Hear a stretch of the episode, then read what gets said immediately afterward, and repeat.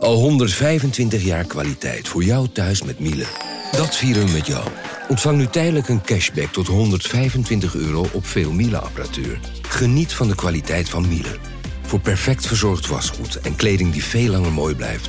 Voor een stralend schone vaat, even perfect als jouw diners. En een stofvrij thuis waarin echt hygiënisch schoon de standaard is. Check miele.nl voor alle feestelijke aanbiedingen. Ik ben al jaren ondernemer, maar waar moet ik eigenlijk allemaal aan denken nu ik voor het eerst personeel wil aannemen, voor het eerst ga importeren of voor het eerst een bedrijfslocatie zoek? Weet wat je wel of niet moet doen bij zaken die je voor het eerst oppakt. Check kvk.nl voor praktische stappenplannen. KVK, hou vast voor ondernemers.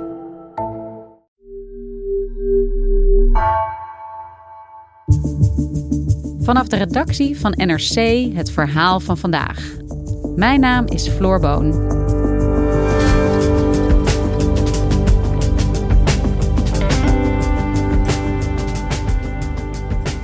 Slecht onderhouden gebouwen, verouderde spullen en een groot tekort aan personeel. Bij de krijgsmacht wordt al jarenlang niet geïnvesteerd, waardoor ook buitenlandse missies nauwelijks meer mogelijk zijn.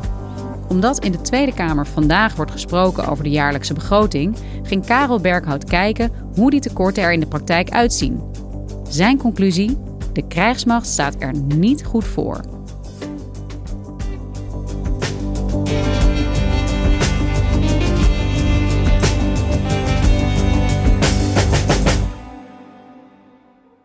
Bij de krijgsmacht. Als we willen dat onze militairen goed getraind zijn en goed inzetbaar zijn, dan moeten er honderden miljoenen euro's extra naar defensie. De gevolgen van de bezuinigingen voor onze krijgsmacht zijn groot. En dat klinkt heel spannend en avontuurlijk, maar toch is er een tekort.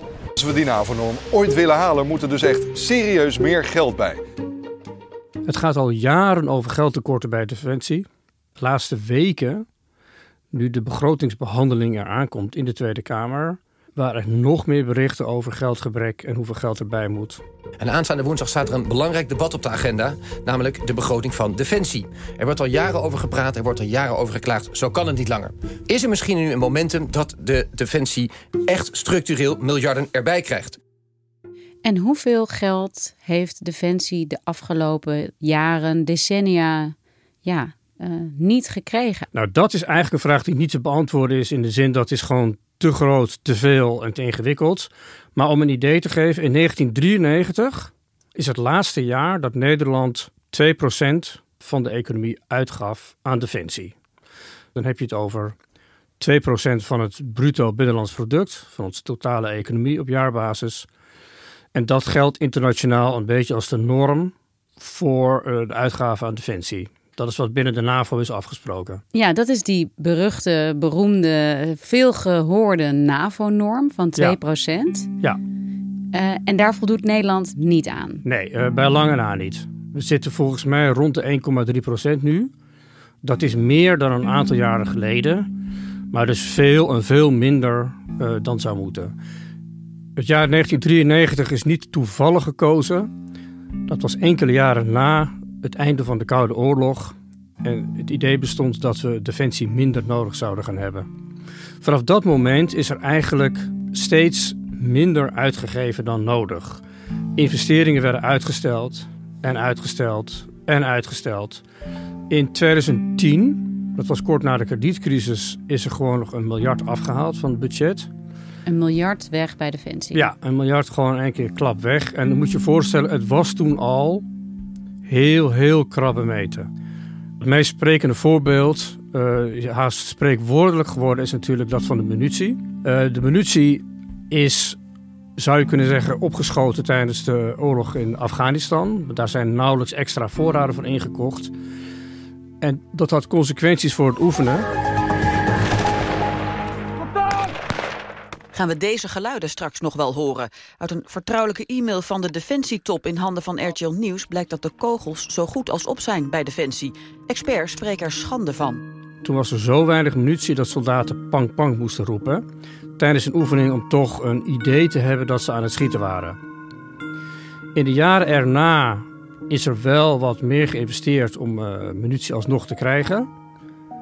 Maar toch wordt in de huidige begroting opnieuw extra geld uitgetrokken omdat er, jawel, een tekort is aan munitie. Dus het munitieprobleem is nog steeds niet opgelost. En ja, jij dacht eigenlijk, ik ga eens kijken nu hoe dat er in de praktijk uitziet. Hoe die tekorten uitpakken bij onze huidige krijgsmacht. Ja, ik ben bij drie krijgsmachtdelen geweest. Uh, de landmacht, de marine en de luchtmacht. Nou, de eerste waar ik naartoe ben gegaan is de landmacht. Goedemiddag meneer. Goedemiddag. Ik uh, heb een afspraak met de commandant van de eenheid. Als het goed is ben ik aangemeld. Mijn naam is Karel Berghout en ik ben van NRC. Ah, kijk. Daar heb ik gesproken met Michael Frenke. Die is uh, commandant van de panzerinfanterie. En Maarten, verantwoordelijk voor uh, de systemen, voor de communicatiesystemen. Ze hadden nadrukkelijk gekozen voor één specifiek voorbeeld, namelijk communicatieapparatuur. Uh, je kunt je natuurlijk voorstellen dat je in een land bent als Afghanistan, dat je daar met verschillende eenheden opereert. Die uh, lopen tientallen kilometers uit elkaar. Ja, en als je die teams wil laten, laten samenwerken, uh, dan moet je met elkaar kunnen praten. En dan moet je weten van elkaar waar je bent, wat je aan het doen bent en wat je van plan bent te gaan doen. Nou, er zijn op zichzelf goede systemen voor. Met, zo wordt gezegd, uitstekende software. Maar de hardwarekant, dus het puur het apparaat waarmee ze het doen, uh, die is achterhaald. je moet je voorstellen, Michael Frenke, de commandant, vergelijkt het een beetje met je navigatiesysteem in je auto. Met het grote verschil dat je niet alleen jezelf ziet, maar ook andere auto's. Maar het grote probleem met de huidige communicatieapparatuur is dat het met onder meer de rijkwijde te klein is. Dat betekent gewoon simpelweg dat bepaalde voertuigen uit zijn beeld wegvallen. Ja, ik heb letterlijk in Afghanistan gehad dat uh, we gingen wat verder uh, de vallei in voor een operatie. En ik moest dus halverwege moest ik een, een, een auto met beveiliging achterlaten, zodat de mensen voorin konden praten met die auto die dan kon praten. Je moet eigenlijk, als je een beetje ver weg wil zenden, stilstaan. Maar stilstaan is gevaarlijk. En er komt nog iets bij. Het liefst zouden ze ook foto's willen kunnen versturen van het gebied. Misschien zelfs wel filmpjes. Ja, daarvoor heb je bandbreedte nodig. En ook die bandbreedte, die is heel erg klein. Dat gaat echt nog in kb's. Ja, wat je nodig hebt zijn natuurlijk MB's. Of liever zelfs gigabytes. Het is een beetje vergelijken met het oude telefoonnetwerk en uh, nu 5G. Op het moment dat Bin Laden opgepakt werd, keken ze in uh, Amerika direct live mee met wat er gebeurde. Nou, dat okay, soort voorbeelden. Ja. Dat hm. kunnen wij op dit moment niet, omdat wij, onze radio de bandbreedte niet heeft. Maar deze systemen die ja, bedoeld zijn uh, op het moment dat Nederlandse militairen in vijandig gebied zijn, dat ze elkaar kunnen bereiken, die werken eigenlijk gewoon niet afdoende om op grote afstand van elkaar te kunnen zijn. Klopt. En om ja. grote bestanden te kunnen versturen. Ja, dat klopt. Maar dat betreft is ook een verbazing waar ik nog steeds niet van bekomen ben. En bij de luchtmacht is er eenzelfde situatie. Ik ben op bezoek geweest bij Patrick Vreeburg. Hij is commandant van het 312 Squadron. En dat is een eenheid waarin zeg maar de laatste F-16's zijn opgenomen. Iedereen weet waarschijnlijk wel dat we langzaam maar zeker overgaan op uh, F-35 toestellen. Maar we hebben nog steeds F-16's. Uh, deze F-16's hebben normaal gesproken drie taken. Eén, verdediging van het luchtruim, behalve België, Nederland en Luxemburg. Verdediging van het grondgebied. Twee, een bijzondere taak. Dat is de NAVO-taak waarbij dus in het uiterste geval F-16's in staat zouden moeten zijn om kernbommen te verplaatsen en af te gooien. En traditioneel zijn F-16's ook voor de, uh, wat dan heet, de tweede hoofdtaak van de krijgsmacht, namelijk meedoen aan missies. Dat hebben ze ook de afgelopen jaren veel gedaan. In Afghanistan, in Irak en meest recent nog boven Syrië in de strijd tegen IS. Maar die laatste taak is nu een einde gekomen. Er is besloten begin vorig jaar dat er om geld te besparen minder trainingsuren zouden komen kregen wij eh, te horen dat wij 400 uur minder ter beschikking hadden okay. om, uh, om te kunnen trainen. Uh, nou, als je minder middelen ter, tot je beschikking krijgt, dan moet dat gevolgen hebben ook voor je, voor je opdracht. die beslissing is toen ook genomen en toen is eigenlijk de beslissing genomen dat wij dus niet meer stand-by staan voor uitzending. En je moet je voorstellen, zei hij, we hebben, ik heb zeg maar een budget van 5000 trainingsuren, had ik. En er werden er 400 van afgehaald. En dat klinkt dan uh, misschien uh, weinig, maar met die uren moet ik mijn uh, vliegers op een bepaald trainingsniveau brengen. Dat ze kunnen winnen van een tegenstander.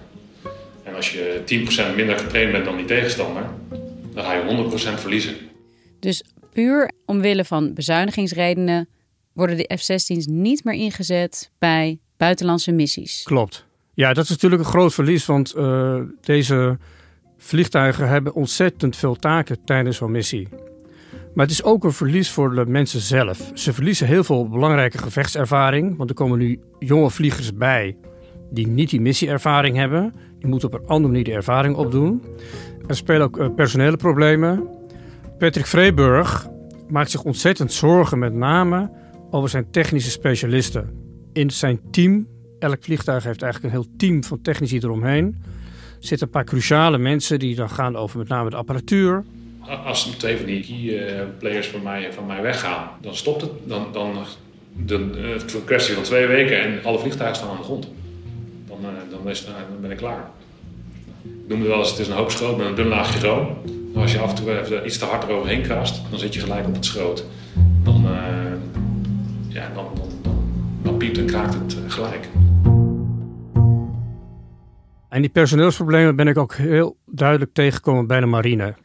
Daar heb ik een gesprek gehad met uh, Walter Hansen, nu verantwoordelijk voor personeelsbeleid. Ik ben kapitein ter zee Walter Hansen. Um, ik was tot deze zomer commandant van het uh, grote amfibische schip Zijne Majesteit Johan de Wit. Ja. En sinds deze zomer heb ik een nieuwe baan uh, aan de wal, zoals wij dat noemen. De Johan de Wit is een zogeheten amfibisch transportschip. Uh, het schip is dus gebouwd om mariniers aan land te zetten. Dat kan natuurlijk in oorlogssituaties, maar in de praktijk is het ook heel vaak bij humanitaire rampen.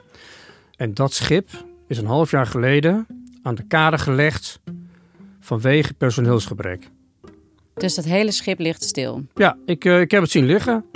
Je komt, uh, je komt de haven binnenrijden en dan zie je die wijdse lucht en die uh, mooie kade. En er ligt daar dat, dat, dat toch wel flinke schip.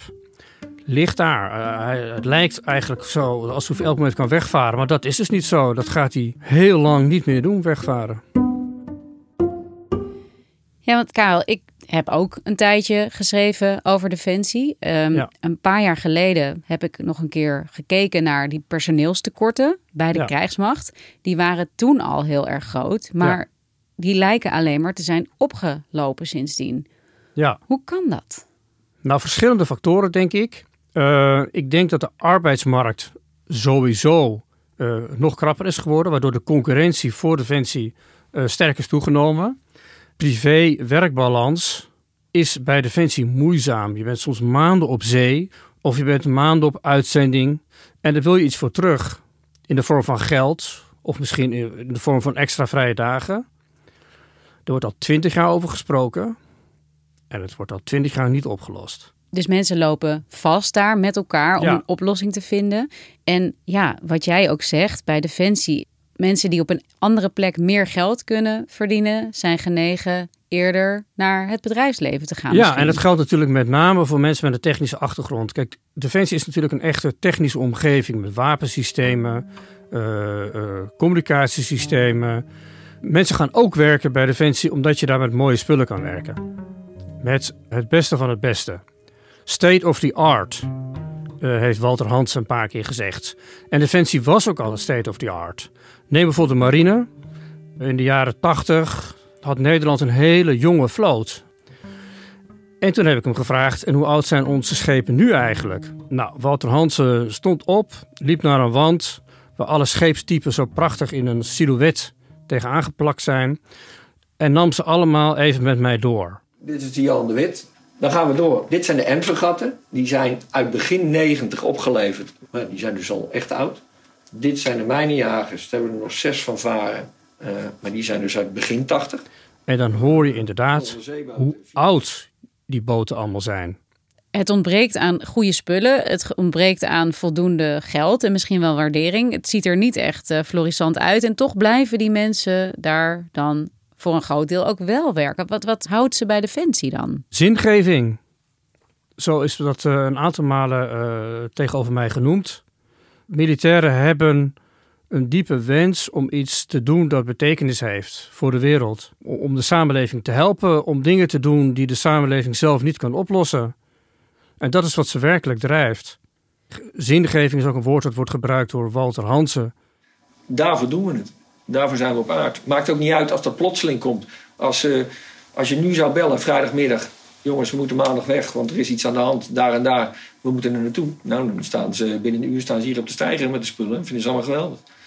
En hoe zit het dan met de missies die Nederland eigenlijk steeds minder uitvoert? Want veel militairen houden ook van spanning. Uh, zoeken uh, een plek waar ze die zingeving misschien ja, ook daadwerkelijk kunnen uitvoeren. Waar kan dat nog? Nou ja, kijk, dat is, natuurlijk een, dat is natuurlijk een heel goed punt. Waarom worden jonge mannen en vrouwen militair? Het eerste instantie is natuurlijk toch op missie gaan. En datgene gaan doen waarvoor je heel lang getraind hebt. Ja, dat kan eigenlijk alleen bij missies. Afghanistan is wat dat betreft, er zijn 30.000, bijna 30.000 Nederlandse militairen naartoe gegaan. En die hebben niet alleen een ongelooflijk goede training opgedaan, maar die hebben ook datgene gedaan waarvoor ze ooit uh, de krijgsmacht zijn ingegaan. En als dat wegvalt, dan wordt het heel moeilijk uh, om mensen gemotiveerd te houden. En waarschijnlijk ook wel een stuk moeilijker om mensen aan te trekken. Ja, Karel, wat jij hier schetst is eigenlijk een krijgsmacht die echt helemaal is uitgekleed. Hè? Bedoel, je hoort ja. wel vaker over dat het met plakband aan elkaar hangt. Ze kunnen ook niet meer doen wat ze zouden moeten doen. Dat is, ja, dat is eigenlijk heel ernstig als je daar zo over nadenkt. Ja, ja ik, kijk, ik heb altijd gedacht, ze zijn tot op de bodem gezakt. Maar dat is niet waar. Ze zijn al ver door die bodem heen gezakt. En uh, ik denk dat je hier, het is een vaak misbruikt begrip, maar ik denk dat je hier wel kan zeggen kapot bezuinigd. Ja, en als we dat nou even doordenken, wat de gevolgen ervan zijn van een krijgsmacht die door de bodem is gezakt. In de wereld waarin ja, de veiligheid van Nederland, van Europa niet meer alleen maar vanzelfsprekend is. Klopt. Hoe zit het met de missies die we zouden willen uitvoeren als het nodig is? Ja, nou, als ik een iets breder mag trekken, jij schetst terecht het beeld van uh, de wereld is onveiliger geworden. Hè? Dus er is heel veel bijgekomen. Uh, om er iets te noemen, de opkomst van China. We hebben natuurlijk veel meer cyberdreiging, noem maar op. En dat zijn zeg maar nog wat je dan noemt uh, enigszins hedendaagse dreigingen. Maar je hebt natuurlijk ook gewoon weer de klassieke dreiging vanuit het oosten. In 2014 heeft tot ons aller verrassing Rusland de Krim ingenomen. Blijft dreigend om zich heen kijken in die regio. En heeft toen uh, het besef toen postvatten in het Westen dat we wel degelijk een hele stevige krijgsmacht nodig hebben. Ja, met die context in het achterhoofd dringt het dan misschien niet voldoende door tot de samenleving en tot politici hoe belangrijk het is dat de krijgsmacht hier gewoon goed kan functioneren. Uh, ja, dat is wat ik denk. Ik moet ook e-, eerlijk bekennen dat toen ik zelf over Defensie ging schrijven een aantal jaren geleden, ik me dat ook helemaal niet zo gerealiseerd had. En wat voor mij geldt, geldt denk ik dan voor heel veel andere Nederlanders. Beseffen onvoldoende hoe gevaarlijk de wereld is en hoe hard we dan defensie nodig hebben om die dreiging het hoofd te bieden. hey, en vandaag uh, ja, is er in de Tweede Kamer het jaarlijkse debat over de defensiebegroting. Daar zijn door dit demissionaire kabinet plannen voor ingediend. Gaat er dit jaar meer geld naar defensie toe? Ja, er gaat zeker meer geld naar defensie toe, maar dat gaat over orde grootte 100 miljoen extra. Dus uh, dat is een druppel op een gloeiende plaat. Om even een idee te geven, als je zou willen voldoen aan de norm van de NAVO, dus 2%, dan zou Nederland op jaarbasis 16 miljard moeten uitgeven. En dat zou dus betekenen dat je 4 miljard erbij moet doen. En dat is ook het bedrag dat uh, Henk Kamp, minister van Defensie, genoemd heeft als minimum. En is er nog enige kans dat het daar ook naartoe gaat bewegen? Gaat Nederland zoveel extra geld vrijmaken om die krijgsmacht te repareren? Uh, dat is een moeilijke vraag. Het is, uh, het is altijd concurreren met andere uh, dingen die wij in Nederland belangrijk vinden. Zoals zorg, onderwijs. En de kans dat er 4 miljard structureel bij komt, snel, acht ik zelf niet heel groot. Dus uiteindelijk gaan we ook het komende jaar in met een krijgsmacht die niet gerepareerd gaat worden, die uitgekleed blijft en waar ja, mensen nog steeds weg zullen lopen omdat ze niet genoeg betaald krijgen. Uh, daar ben ik wel bang voor, ja. Dankjewel, Karel. Graag gedaan.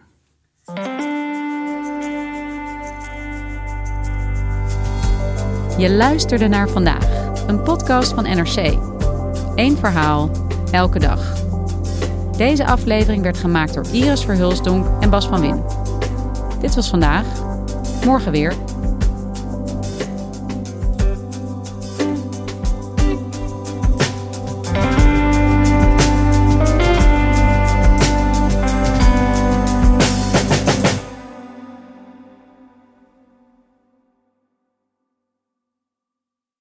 Technologie lijkt tegenwoordig het antwoord op iedere uitdaging. Bij PwC zien we dit anders. Als we de potentie van technologie willen benutten, kunnen we niet zonder een menselijk perspectief. Human-led, tech-powered noemen we dat. Ga naar pwc.nl.